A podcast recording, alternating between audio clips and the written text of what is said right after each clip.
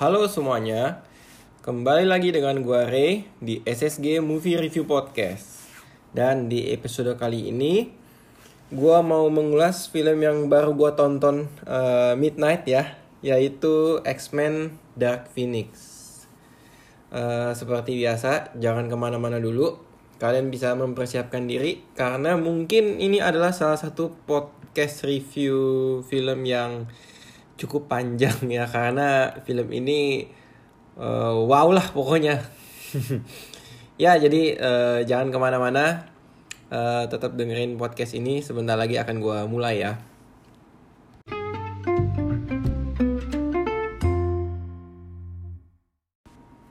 Nah mari kita mulai review atau ulasan film dari X-Men Dark Phoenix. Atau di beberapa negara uh, judul filmnya hanya menampilkan kata-kata Dark Phoenix ya.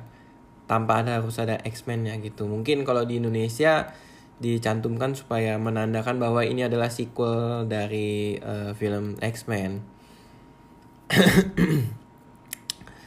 Uh, film ini nanti akan tayang di Indonesia secara reguler ya. Tanggal 14 Juni 2019 mungkin bisa lebih awal bisa juga enggak ya. Tergantung distributor filmnya. Uh, kalau gue lihat kalender 14 Juni itu uh, hari Jumat. Hari Jumat. Uh, kalau tadi kan gue nontonnya midnight ya tanggal 8 dan uh, penayangan di atas jam 10 gitu. Dan keren loh teman-teman gue nonton midnight itu uh, studionya full. Artinya antusiasme para penonton uh, X-Men ramai sih ya harusnya. Atau simply karena ini memang masih liburan tapi yang nonton ini adalah orang-orang yang gak pergi ke mana-mana pas libur lebaran gitu seperti gue Enggak lah emang gue gue emang anaknya rumahan sih. Jadi ya gue demennya kalau ada waktu nonton di bioskop lah. Apalagi kakak gue juga lagi pulang kemarin jadi dia juga fan salah satu fans X-Men uh, eh, gue tawarin mau nggak uh, nonton X-Men Dark Phoenix Midnight gitu. Oh boleh boleh ya nonton gitu. Dan ya setelah nonton kita sama-sama uh, terkagum-kagum dan wow dengan cerita si X-Men ya. Gitu ya. Uh, FYI X-Men itu kan dia di awal tuh tahun 2000 ya. Kemudian uh, universe-nya cukup berkembang sangat variatif. Ada Wolverine, Wolverine Origin, terus uh, si Wolverine Originnya punya sequel jadi uh, The Wolverine, kemudian diakhiri dengan sangat epic ya, menandakan juga si Hugh Jackman ini pensiun sebagai Wolverine atau Logan di film yang diberi judul Logan. Kemudian ada si Deadpool 1 dan Deadpool 2 yang diperankan oleh Ryan Reynolds dan ada semacam bilangnya ribut uh, secara halus.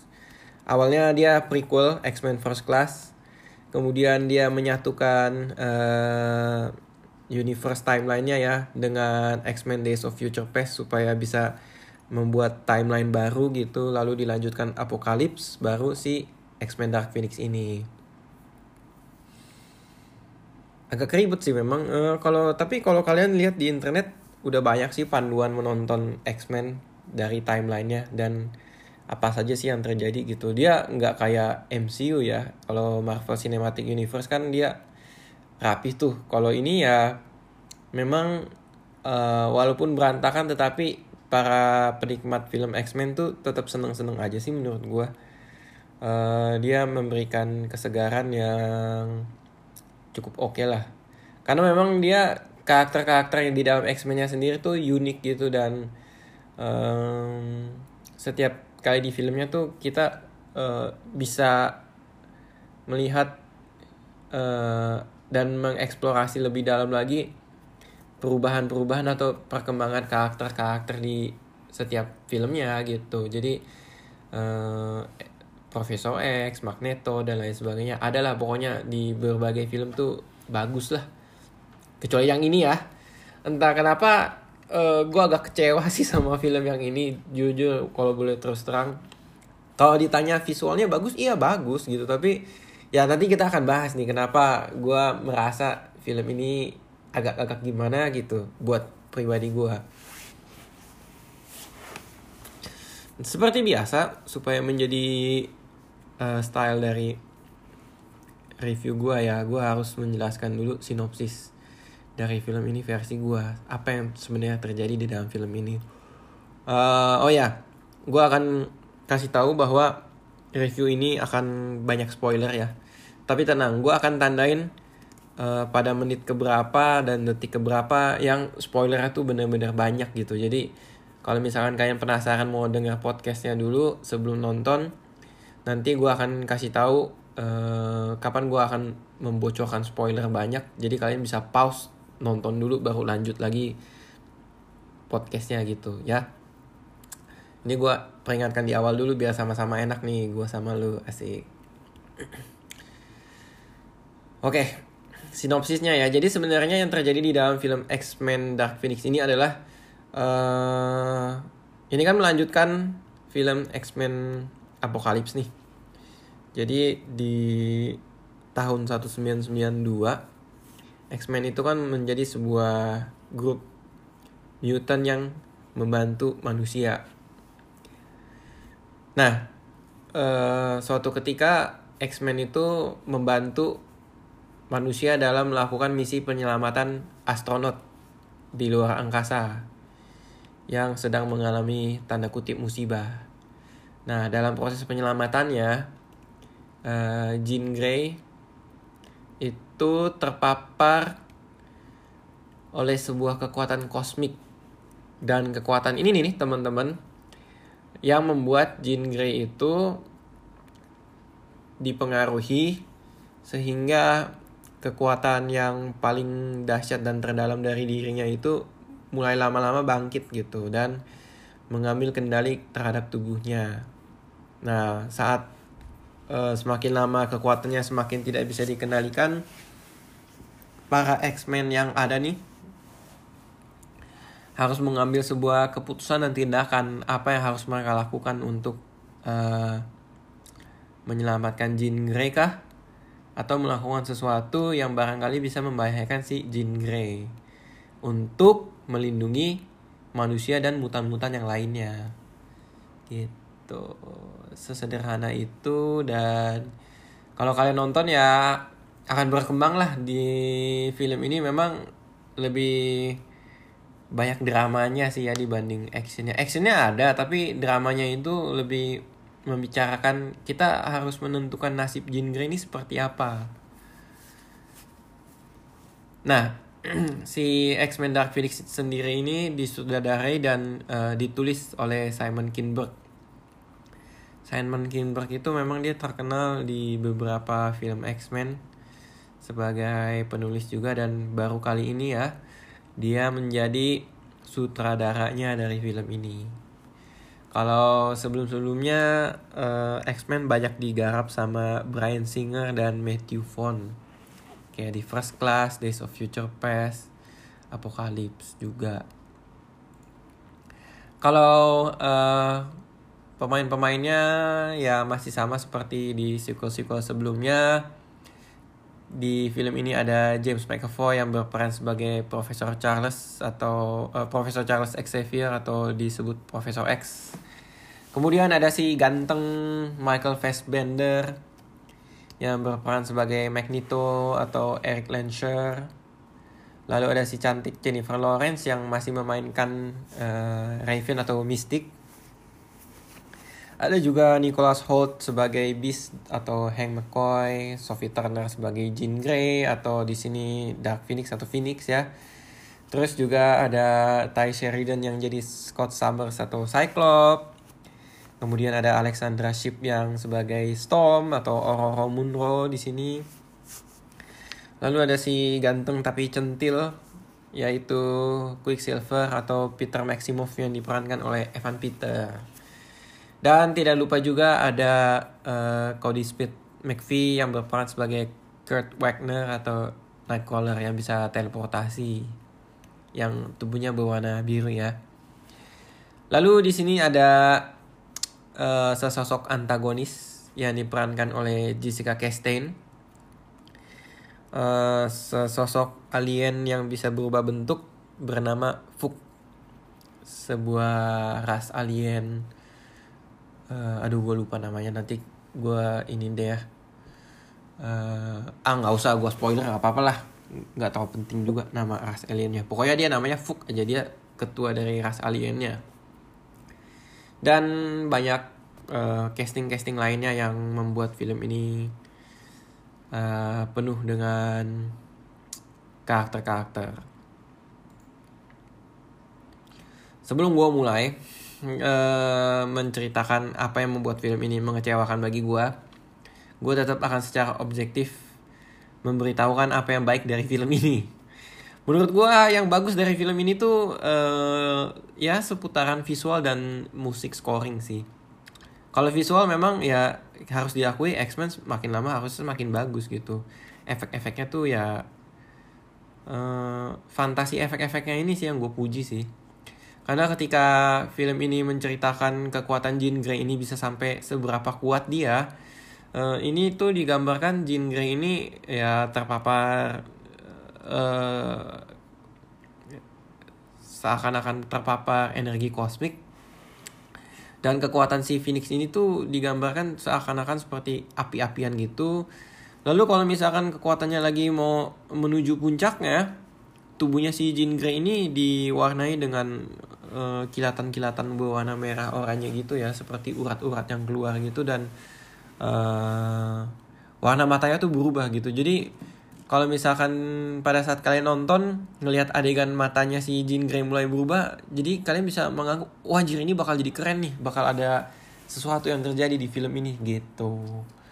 Jadi ya apa sih uh, keberadaan si Phoenix ini yang mengancam uh, jalannya cerita ini nih uh, betapa berbahaya ini bisa kalian saksikan tuh wah ini tiba-tiba mau jadi jahat dan mau ada terjadi sesuatu nih gitu.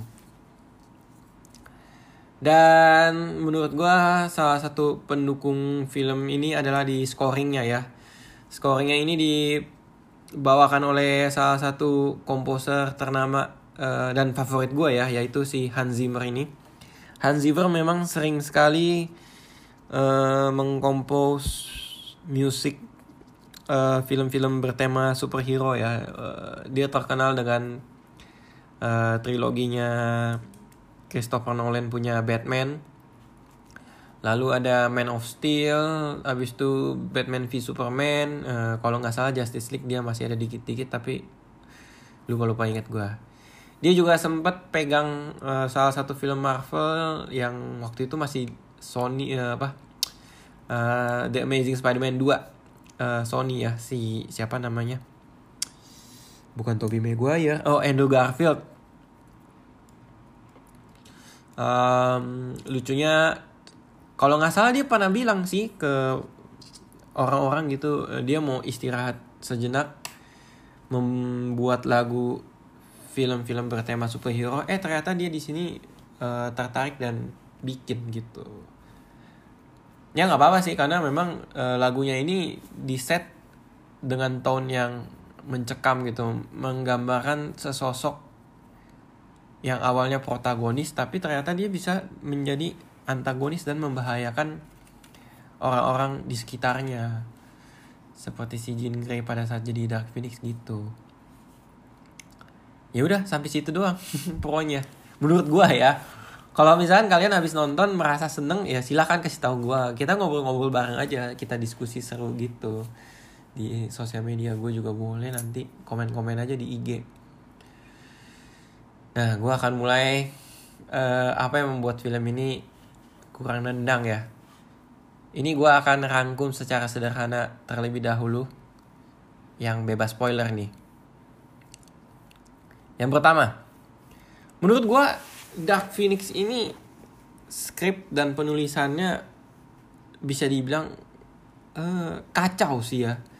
Karena tuh terkesan tuh kalau misalkan satu film yang uh, di prediksi bakal sukses ya seperti Dark Phoenix ini harusnya tuh bisa dengan durasi di atas 100 menit ya ini 114 menit harusnya tuh per adegan tuh bisa seakan-akan terjahit dengan rapi gitu. Tapi kalau di sini tuh kesannya berantakan gitu.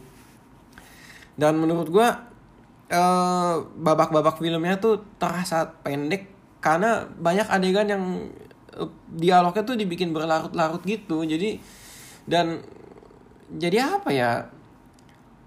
Pindah sinnya cepet tapi eh, bukan. Pindah pindah babaknya cepet tapi antar scene dan dan pembicaraan dialog orang-orangnya tuh ya ya udah sebatas itu itu doang gitu. Nggak nggak nggak nggak bisa mengeksplor ke mana-mana gitu. Itu yang pertama. Yang kedua nih gue merasa ya uh, uh, kalau ini kan salah satu X-Men yang ditandai dengan diperankan oleh James McAvoy dan Michael Fassbender sebagai Profesor X dan Magneto. Jadi kalau gue boleh bandingin kan gue akan bandingin film ini dengan X-Men First Class, Days of Future Past, sama X-Men Apocalypse. Nah, di ketiga film sebelumnya nih, James McAvoy dan Michael Fassbender pada saat jadi Profesor X dan Magneto ini nih, uh, dia tuh kayak setup karakternya tuh bener-bener bagus dan ada karakter development yang menurut gue tuh memorable gitu. Kalau misalkan kayak nonton X-Men First Class kan kalian melihatnya uh, uh, banyak penonton bisa dikasih pandangan bahwa sebenarnya Magneto itu jahat yang tanda kutip lahir dari sebuah tragedi gitu. Ketika orang tuanya tuh dibunuh di hadapannya hanya gara-gara mau membangkitkan kekuatan mutannya. Itu kan uh, karakter setupnya si Magneto tuh di X-Men uh, First Class ya yang menurut gue memorable di kepala gue gitu dan dia berusaha menjadi mutant dan mau melindungi ras mutan gitu dari ancaman manusia yang menganggap mutant itu berbahaya. Itu di X-Men First Class. Terus kalau lanjut ke Days of Future Past kan bagaimana si Profesor X ini dalam tanda kutip tuh uh, mengalami masa-masa terberatnya gitu. Dia uh, pakai obat supaya bisa jalan lagi tapi dengan bayaran tidak bisa membaca pikiran orang lain karena ternyata dijelaskan bahwa dia tuh merasa tersiksa gitu bisa membaca pikiran orang lain tapi uh, gimana gimana gimana. Dan ada uh, karakter development dia harus menjadi Profesor X yang dewasa karena kalau tidak ya dia bisa mengalami masa depan yang distopian gitu. Kalau kalian masih ikutin Days of Future Past ya terus kemudian si Apocalypse kan uh, semacam rediscover uh, karakter-karakter yang apik ini lagi nih. Si Profesor X gimana? Si Magneto gimana? Nah pada saat masuk ke film Dark Phoenix ini tuh menurut gua setupnya tuh jadi uh, sema semacam kayak kurang kuat gitu. Jadi pada saat uh, dialog antar tokoh pun juga atau motivasi serta emosi karakternya tuh kayak ya nggak nggak nggak nggak dibangun dengan penuh semangat dan nggak tergarap dengan baik aja gitu. Dan di tengah-tengah film tuh terkesan karakter-karakter ini banyak yang banting setir sifatnya gitu. Betapa mudahnya motivasi beberapa karakter ini ya udah kesulut emosinya terus berubah jadinya gimana gitu di dalam film. Dan sampai di ending dari film pun ya jadinya tidak memuaskan masing-masing karakter ini gitu. Kitanya malah jadi mungkin kesal sendiri termasuk gua gitu. Nah selanjutnya nih ya. Ini terkait dengan ending sih. Menurut gua ending yang digambarkan dari film ini tuh uh, ending memang kan bebas lah ya. Penulis film mau menulisnya seperti apa. Tapi itu terkesan tuh ya menuju endingnya tuh maunya film ini cepet-cepet selesai gitu. Yang penting cara mengakhiri adegannya harus seperti ini. Terus masing-masing akhir dari tiap karakter tuh digambarkannya ya kesannya males aja gitu. Ini begini ini begitu. Ya udah yang ini ketemu sama yang ini. Udah that's it selesai ending titik gitu. Terus udah kredit gitu. Jadi um, belum lagi ya ending yang dari film Dark Phoenix ini nih uh, terkesan tuh malah menimbulkan tanda tanya lagi gitu. Uh, sebenarnya ini nanti akan masuknya ke timeline X-Men yang mana gitu. Karena kan ini udah tergolong terlalu banyak ya X-Men filmnya dan ada beberapa momen di mana X-Men tuh menggambarkan bahwa timelinenya ya udah acak-acak aja gitu. Jadi ini orang tuh meraba-raba gitu. Apalagi banyak orang yang berpendapat bahwa ini adalah film X-Men terakhir yang digarap secara utuh oleh si 20th Century Fox sebelum dia uh, dibeli oleh Disney ya. Malah gue diskusi sama koko gue koko gue bilang kalau film ini tuh seakan-akan ya di tanda kutip dicoba supaya di downgrade ya.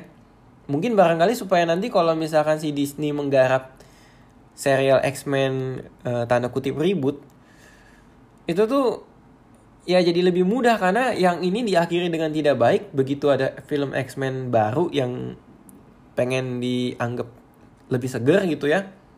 Malah jadi ketolong ya udah kalau nggak standar ya sangat baik gitu. Tapi kan eh, kalau pembandingnya yang sekarang ini kurang bagus diakhiri dengan kurang bagus film berikutnya kan jadi lebih mau filmnya digarapnya ya sungguh-sungguh atau levelnya sangat sungguh-sungguh kategori atau cap dari penontonnya tuh kalau nggak baik ya sangat baik gitu. Karena nanti bakal membanding-bandingkan dengan film ini gitu. E, maksud gue kasusnya sama kayak si maksud gue gini kalau kalian kan ngikutin Spider-Man-nya Sony ya kan Amazing Spider-Man 1, Amazing Spider-Man 2 tiba-tiba kan dia ada reboot Spider-Man Homecoming karena supaya bisa masuk ke MCU ya kayak gitu tuh mungkin mungkin mereka belajar dari pengalaman itu ya udah kalau nggak kita downgrade yang film ini supaya nanti kalau ada uh, reboot atau uh, bikin universe X-Men di dalam Marvel Cinematic Universe yang karena udah dibeli haknya sama Disney nih jadi ya lebih gampang aja ngangkatnya gitu. Mungkin ya gue nggak tahu bener atau enggak gitu tapi ya intinya di sini ya begitulah endingnya jadi apa sih? Gak bikin tenang lah gitu. Gue abis nonton tuh susah tidur juga gitu mikirin gitu. Walaupun sebenarnya ya nggak harus gue mikirin sih. Di bawah santai gitu. Ya ya udahlah ya. Oke lanjut. Ada saat ada beberapa adegan di film ini yang menjadikan film ini tidak baik tuh ketika kesannya ada beberapa detail yang detail dan elemen pendukungnya yang terabaikan atau menimbulkan tanda tanya besar gitu. Nanti gue akan bahas poin yang ini di uh, menit yang ada spoilernya, oke? Okay? Sabar aja dulu ya. Jadi intinya gue ulang, detail dan elemen dari film ini tuh ada yang gak diperhatikan dengan baik aja. Nah, lanjut. Um, kalau yang ini mulai udah mulai minim dan mungkin tergolong subjektif ya. Gue pribadi merasa film ini kurang karena ada beberapa karakter pendahulu nih maksudnya karakter di seri-seri sebelumnya yang gak dimunculkan ke sini lagi itu atau tidak dimanfaatkan dengan baik aja. Dan ada beberapa subplot yang uh, dulu tuh ada dan jadi semacam hidangan tambahan tapi di sini tuh gak dihidangkan lagi. Malah menimbulkan tanda tanya besar atau bisa jadi kekecewaan bagi para penontonnya. Gue akan kasih tahu nanti di menit yang ada spoiler. Nah, dan kekurangan yang terakhir dari film ini dan ini subjektif nih kalau yang kekurangan yang ini ya karena ini uh, keinginan gue pribadi sih ya. Gue merasa ya teman-teman film si X-Men Dark Phoenix ini nih mau dia sebagai film terakhir dari uh, produksinya si 20th Century Fox sebelum dibeli Disney ya. Dia tuh kayak ke kehilangan sentuhan X-Men yang khas sejak tahun 2000-nya. Dalam artian gini teman-teman, kalau kalian ikutin X-Men ya, ya ada beberapa yang openingnya langsung aja uh, title apa uh, title terus mulai filmnya. Ada juga yang gue selalu nanti-nanti ketika X-Men ini nih uh, memutarkan tim song yang dibawakan uh, tim song yang digarap oleh seorang komposer namanya John Ottman ya John Ottman atau John Ottoman? Oh John Ottman ya. Nah kalau kalian nonton beberapa film X-Men uh, X-Men pertama kedua ketiga uh, eh ketiga enggak. Oh pertama kedua uh, Days of Future Past sama Apocalypse ya. Di film-film yang gue sebutin tadi tuh ada tim song yang digarap oleh scoring yang digarap oleh si John Ottman. Jadi ada tim song X-Men-nya gitu. Nenet gitu. Nah itu tuh menurut gue keren banget. Karena apa gini? Karena gini teman-teman. Kalau misalkan si John Ottman yang turun tangan nih itu kreditnya tuh jadi apik menurut gue jadi keren gitu. Jadi biasanya pas film X-Men-nya dimulai dia kasih tahu nih kejadian yang bakal terjadi atau apa yang sedang terjadi di film. Terus dia masuk ke uh, kredit title gitu. Jadi uh, title pertama uh, biasanya dia bilang 20th Century Fox present gitu. In association with Marvel Entertainment dan bla bla bla bla bla bla bla. Terus ada tulisannya X-Men gitu. X-Men apa X-Men apa X-Men apa. Uh, X-Men terus X2 X-Men Days of Future Past X-Men apa. Nah itu biasanya tuh ada animasi-animasi yang keren gitu. Kalau misalkan kalian nonton Days of Future Past kan uh, itu kan musuhnya ada robot-robot gede raksasa namanya Sentinel. Kalau di Days of Future Past tuh kayak mesin-mesin di dalam Sentinel tuh bekerja gitu. Ada tim songnya si John Ottman ini terus terakhir dimunculin uh, tuh titlenya X-Men Days of Future Past. Terus kalau yang Apocalypse tuh uh, kan awalnya dia kasih tahu nih si Apocalypse atau En Sabah Nur ini adalah tanda kutip Tuhan yang mau dilawan sama manusia karena Tuhan eh, tanda kutip si mutant ini tuh merugikan manusia gitu. Setelah dia uh, tertidur karena timbunan piramid yang diruntuhin ya itu nanti kan ada muncul lagi tuh uh, 20th Century Fox present in association with Marvel Entertainment siapa siapa siapa siapa. Nah terus ada animasinya tuh kayak semacam perkembangan zaman jadi kayak ada mesin-mesin ada apa segala macam terus judul X-Men Apocalypse dan biasanya nih setiap uh, opening ini diakhiri dengan pintu cerebro yang ketutup. Ya kalau kalian fansnya X-Men mengerti lah gitu. gue susah jelasin ya mungkin kalian kalau yang nonton pasti setuju deh. Nah ini tuh uh, tim song atau ciri khas salah satu ciri khas X-Men yang tadi gue jelaskan ini gak dimunculkan di film Dark Phoenix ini. Which is sebenarnya nggak apa-apa tapi menurut gue sangat disayangkan ketika nggak dimunculkan gitu. Itu yang pertama ya terkait uh, tim song sama opening title. Jadi opening title dan tim songnya tuh gak wah lagi di dalam film ini gitu. Walaupun skornya sudah bagus dan mencekam ala Hans Zimmer. Nah yang kedua terkait dengan sentuhan X-Men yang gue maksud adalah biasanya tuh di X-Men tuh bisa memunculkan quote-quote dahsyat gitu. Yang biasanya dibawakan oleh si Profesor X gitu. Entah kenapa di film yang ini tuh gue nggak menemukan quote tersebut gitu kalau misalkan kayak yang di film X-Men First Class tuh omongan-omongannya si Charles Xavier tuh keren aja gitu ada beberapa ada uh, dialog yang menurut gue terbungkus dengan rapi dan cantik gitu ketika dia debat sama si uh, Magneto. Dia bilang kan uh, lu punya kesempatan untuk uh, menunjukkan greater good dan lain sebagainya gitu. Terus kayak di Days of Future Past juga gitu kan. Ada yang kata-kata lagi uh, mutant and proud terus uh, ya gitulah kalimat-kalimat dialog yang menurut gue tuh benar-benar sangat diperhatikan dengan rapi. Nah di film ini tuh seakan tuh ya tidak muncul yang masuk ke kepala gue gitu.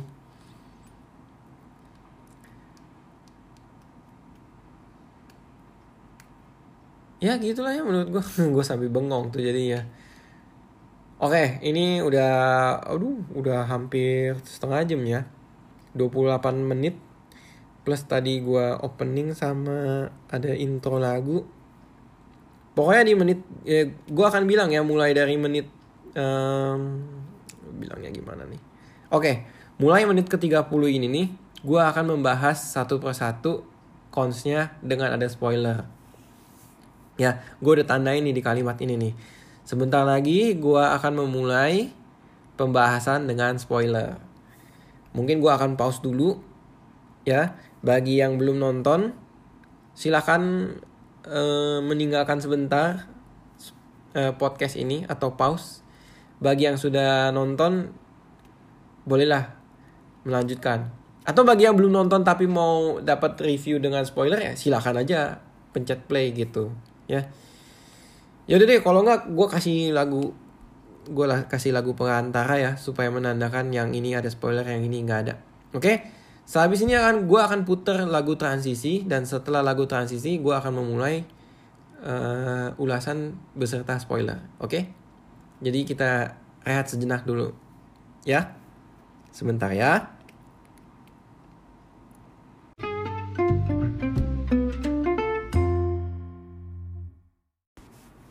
Oke, kita lanjut lagi ya teman-teman. Sesuai janji gue, gue pasang lagu dulu menandakan bagi yang ini akan banyak spoiler. kita mulai dari yang awal lagi, terkait dengan betapa berantakannya skrip atau cerita yang ditulis di sini. Uh, eh, gue merasa ya, si Jean Grey ini nih uh, tidak diberi kejelasan yang konsisten gitu. Apakah dia sebenarnya uh, kekuatan dari dalam tubuhnya yang mau mengambil ahli atau si kosmik ini yang mengambil ahli si uh, energi kosmik ini yang mengambil alih si tubuhnya Jean Grey. Jadi itu tidak ada gestur uh,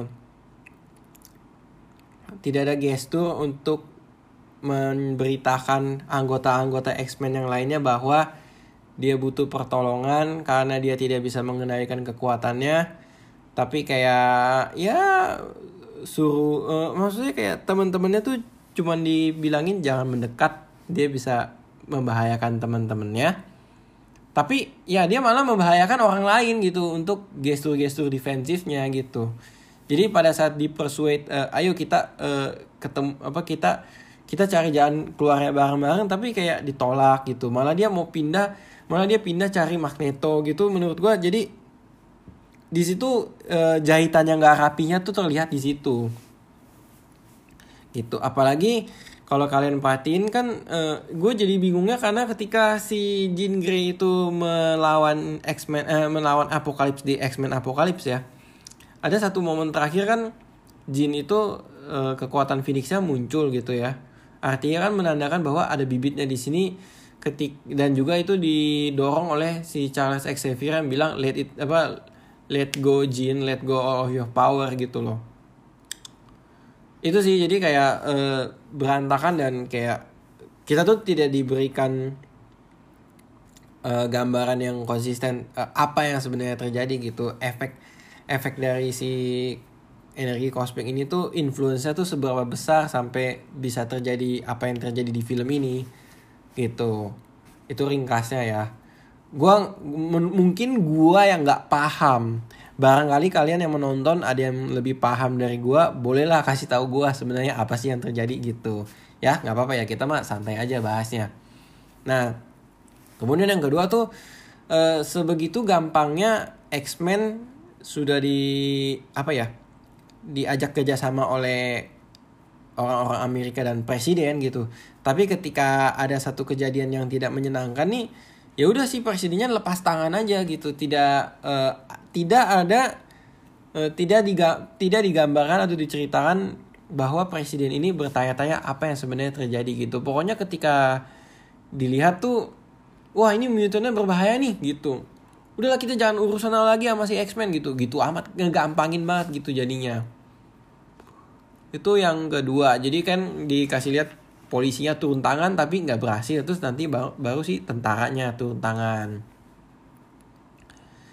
Ya memang film ini tuh terkesan mau memfokuskan si Jean Grey gitu. Eh, apa sih eh, perang batin atau perang pikirannya dia gitu loh. Dan ini ditunjukkan juga uh, ini kayak Jean Grey tuh dipasang-pasangin sama beberapa karakter gitu loh. Yang banyak kelihatan itu sama Profesor X, Magneto sama si pacarnya atau si Scott ya atau Cyclops nih.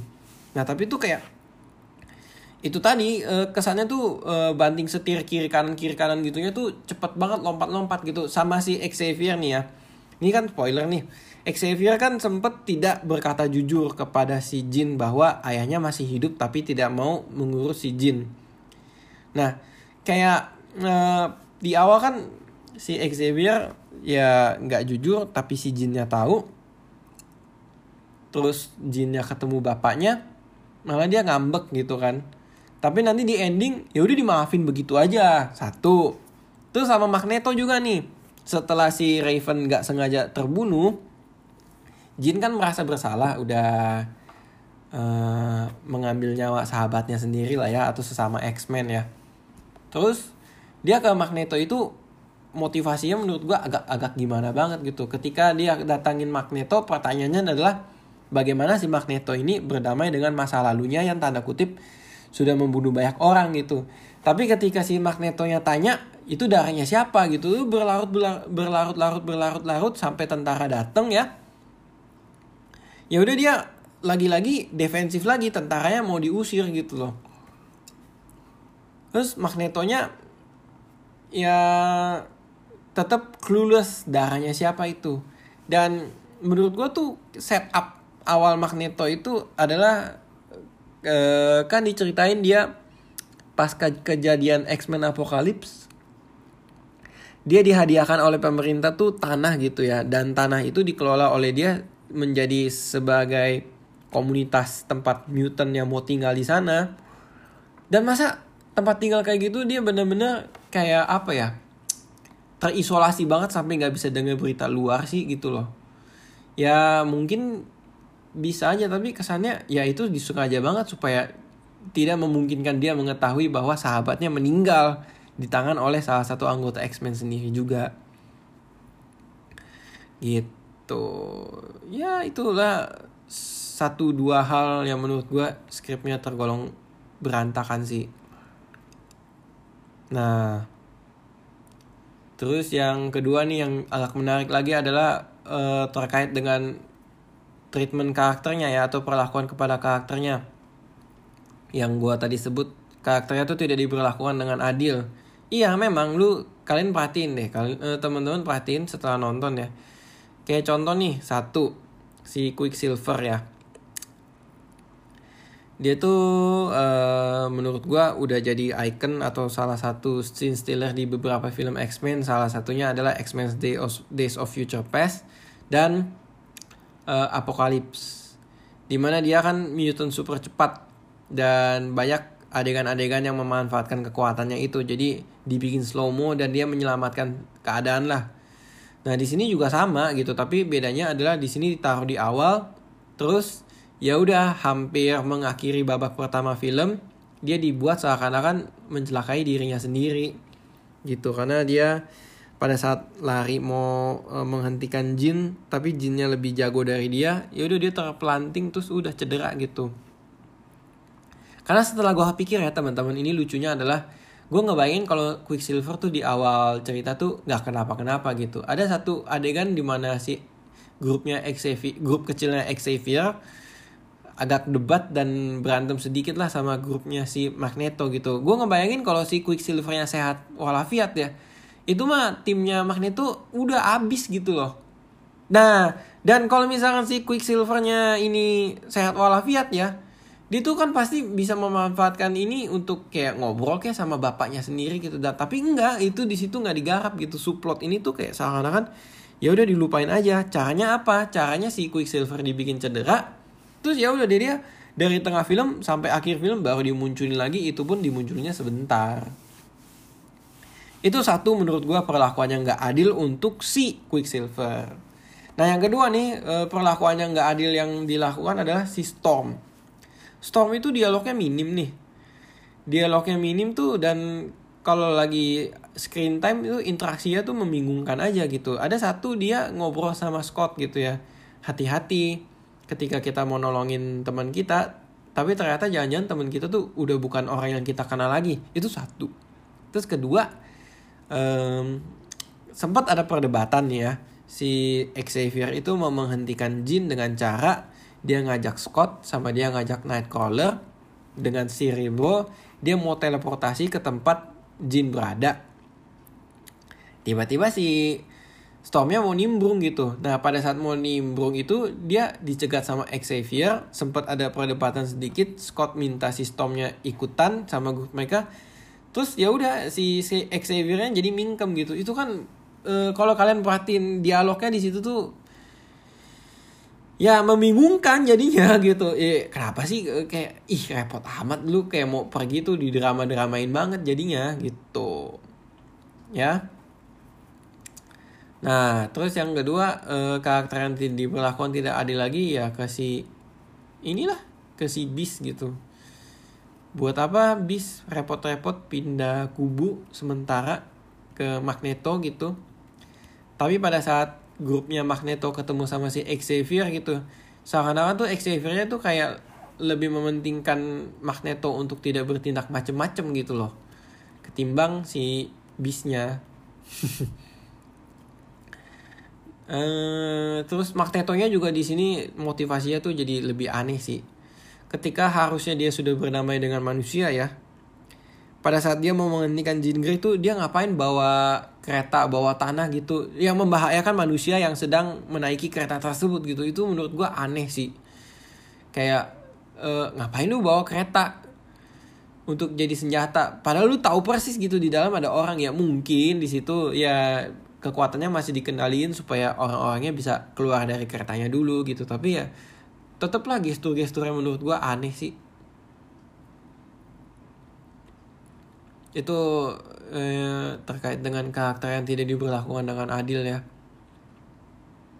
Nah si Scott juga sih menurut gue si Cyclops ya.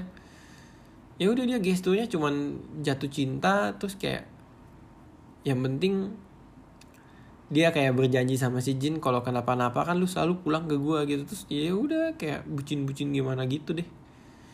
Kayak cowok yang kebingungan ketika ceweknya ini OP gitu overpower. Ya itu tuh terkait dengan karakter yang di dilakukan dengan adil gitu. Karakter setup. Sisanya nanti kalian bisa saksikan eh, banyak banting-banting setir gitu ya ketika awalnya si apa? Grupnya Magneto mau membunuh Jean Grey tetapi menjelang akhir film ya udahlah kita coba lindungin lah si Jean Grey-nya. Loh kok gitu amat gitu? Banding setirnya tuh bener-bener kayak mobil ngedrift tau nggak? Bener-bener udah ya udah lawan arus apa maksudnya? Puter balik gitu jadinya. Yang awalnya mau yang awalnya agak kepe, agak kepecah nih grup-grup kecil eh malah jadi bersatu mau ngelindungin si Jin dari si alien yang diperankan oleh Jessica Chastain Fook ini. Gitu. Terus ada juga yang bantingan setir yang paling dahsyat adalah uh, menurut gue ini gue nggak komentar banyak sih tapi menurut gue jadi lucu ya ketika si Nightcrawler ini uh, berhubungan dengan salah satu tentara gitu. Tentaranya ngomong e, anak gue anak-anak gue anak atau anak-anak ya. Pokoknya anaknya dia men apa memfavoritkan X-Men gitu. Tiba-tiba tentara ini meninggal dan si e, Nightcrawler-nya mau membahaskan dendam si tentara ini. Dan menurut gue salah satu yang banting setir banget adalah kalau kalian perhatiin di X-Men Apocalypse ya, si Nightcrawler ini kan sesosok yang religius banget gitu. Pada saat mau misi dia ucapin doa dulu gitu. Tapi tiba-tiba di film ini ya teman-teman ada adegan di mana dia dibuat jadi bener-bener sangat sadis gitu loh. Ya ampun dia kayak pakai benda tajam teleport sana teleport sini alien-alien yang ada tuh dia udah ditusuk-tusuk-tusuk-tusukin gitu sampai mati gitu loh. Nah yang gue mau guys bawahi di sini adalah memang bisa secepat itu ya keterikatan karakter gitu loh. Kayak maksudnya hubungan sama tentara ini tuh wah tiba-tiba terjadi dengan sangat praktis banget gitu hubungan emosionalnya tuh terasa sangat spesial dan ketika si tentara ini mati tuh harus dibahaskan dendamnya dengan cara yang sadis gitu loh. Ya nggak tau lah ya itu menurut gue tergolong bantingan karakter yang cukup wadaw gitu sih. Lanjut. Terkait dengan ending. Ya endingnya ini kalau kalian perhatiin ya gue nggak tahu ya. Memang kan ending sebebas-bebasnya penulis tapi tega sekali gitu franchise X-Men tuh menggambarkan timeline yang berbeda lagi gitu loh. Eh, gue nggak tahu ya. Karena kan kalau di ending ini kita bedah satu persatu. Nama sekolahnya berubah. Jadi Jean Grey School. Mungkin untuk mengenang si Jean Grey ya. Jean Grey-nya sendiri berubah jadi Dark Phoenix. Eh, Jean Grey-nya sendiri kan jadi bentuknya Phoenix gitu. Di ending kan dia ada satu adegan di langitnya tuh ada kayak phoenix terbang gitu. Terus si uh, bisnya itu duduk di tahtanya Xavier gitu mejanya dia ya. Jadi orang nomor satu di sekolah itu. Lalu ada fotonya si Raven gitu menunjukkan oh mungkin dia masih jatuh cinta sama dia. Nggak bisa move on. Nah terus kayak si si Xavier itu digambarkan kayak stres banget gitu. Akhirnya ditemenin sama si Magneto main catur. Nah ini kan gue pikir um, ya kemungkinannya masih banyak terjadi lah cuman kayak kalau gue boleh berkomentar secara subjektif tidak ending yang menenangkan banget gitu. Beda lah efeknya sama kayak Logan meninggal gitu kan kayak ya udah Logan meninggal wah efeknya tuh hebat gitu loh wah keren nih gitu emosional sekali kalau ini tuh kayak ya berantakan jadinya gitu. Dan continuity-nya tuh mau masuk yang ke mana gitu. Days of Future Past mungkin bisa mungkin enggak gitu. Karena kan kalau di Days of Future Past pada saat si Wolverine bangun di masa depan Xavier-nya masih jadi kepala sekolah di situ. Terus Jean Grey juga masih hidup gitu kan dalam bentuk manusia gitu. Gua nggak tahu deh. Ya ini multi tafsir lah gitu Hmm. Yang keempat tuh tadi detailnya ya, salah satu detailnya ya. Gue bingung adalah ketika gini nih. Um,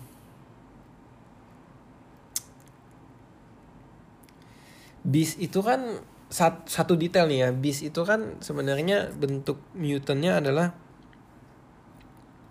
yang warna biru lah ya, yang dia benar-benar bentuk buasnya dia biasa jadi manusia ini kan diceritakan karena dia pakai obat gitu ya. Dia uh, konsumsi obat. Dan kalau di Days of Future Past diceritain hanya dalam beberapa keadaan gitu dia baru uh, bisa berubah lagi jadi bis gitu. Entah kenapa ya ada satu adegan nih uh, pada saat dia di uh, apa namanya dibius ya sama tentara tentara-tentaranya manusia ini. Dia dibius tuh uh, semacam alat kejut gitu tiba-tiba dia wujudnya berubah jadi manusia gitu. Gue menurut gue agak hah? Kok tiba-tiba dia jadi manusia sih? gitu. Apakah dia alatnya di situ biusan gitu? Nggak ngerti lah gue terus kan beberapa mutant ini kan diikat nih. Dan di apa sih dipakein kalung di lehernya supaya barangkali uh, kekuatan mutannya nggak bisa digunakan gitu.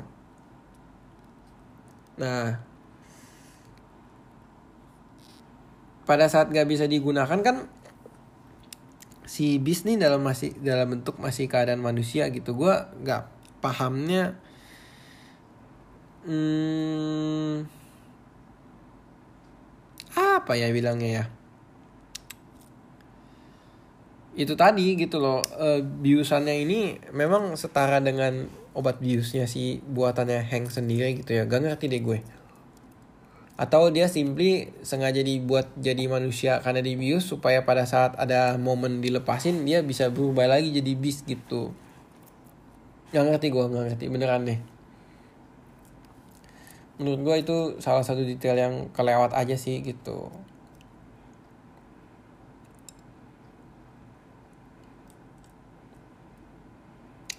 jadi bingung kan gue udah kayaknya gue kenyang bego nih beneran. Nah yang terakhir nih terkait dengan yang karakter pendahulu dan subplot ya. Si Quicksilver dan Magneto si anak dan bapak ini kayaknya nggak dituntasin aja di film ini menurut gue sangat disayangkan. Padahal gini loh kalau kalian di nonton di X-Men Apocalypse ya di di di di di, di, di arc-nya si atau sub ceritanya si Quicksilver itu adalah di X-Men Apocalypse dia mau mencari tahu tentang keberadaan bapaknya satu. Dia ke sekolahnya Xavier itu kan mau tanya soal si Magneto. Terus pas ketangkep dia ngobrol sama si Mystic atau Raven ya. Dia kasih tahu kan dia itu bapak gua. Terus pas si Quicksilver nganterin si Mystic ketemu sama si Magneto, ada momen di mana kayaknya dia mau ngomong tentang lu tuh bapak gua gitu tapi kayaknya dia kan dia nggak jadi tuh. Dia ngomong gua mau melindungi keluarga gua. Ya. Terus di endingnya X-Men Apocalypse si Storm itu tanya katanya dia itu bapak lu ya? Lu udah ngomong gitu. Terus dia bilang enggak gue belum ngomong. Ya paling gua bertengger di sini dulu lah maksudnya di di sekolahnya si Xavier dulu lah sementara waktu gitu Nah itu kan seakan-akan tuh udah terbuild up kayak mau diarahkan bahwa eh kayaknya bakal kita mainin nih si Quicksilver sama Magneto nih jadi sebuah cerita kecil gitu. Tapi di sini ya nggak dituntasin gitu. Ya gimana mau tuntas orang si Quicksilver yang di awal film udah dibikin ini cedera gitu. Ya. Itu sih menurut gua ya penjelasan yang eh, maksudnya gue mengeksplor apa yang meresahkan gue dari film ini gitu.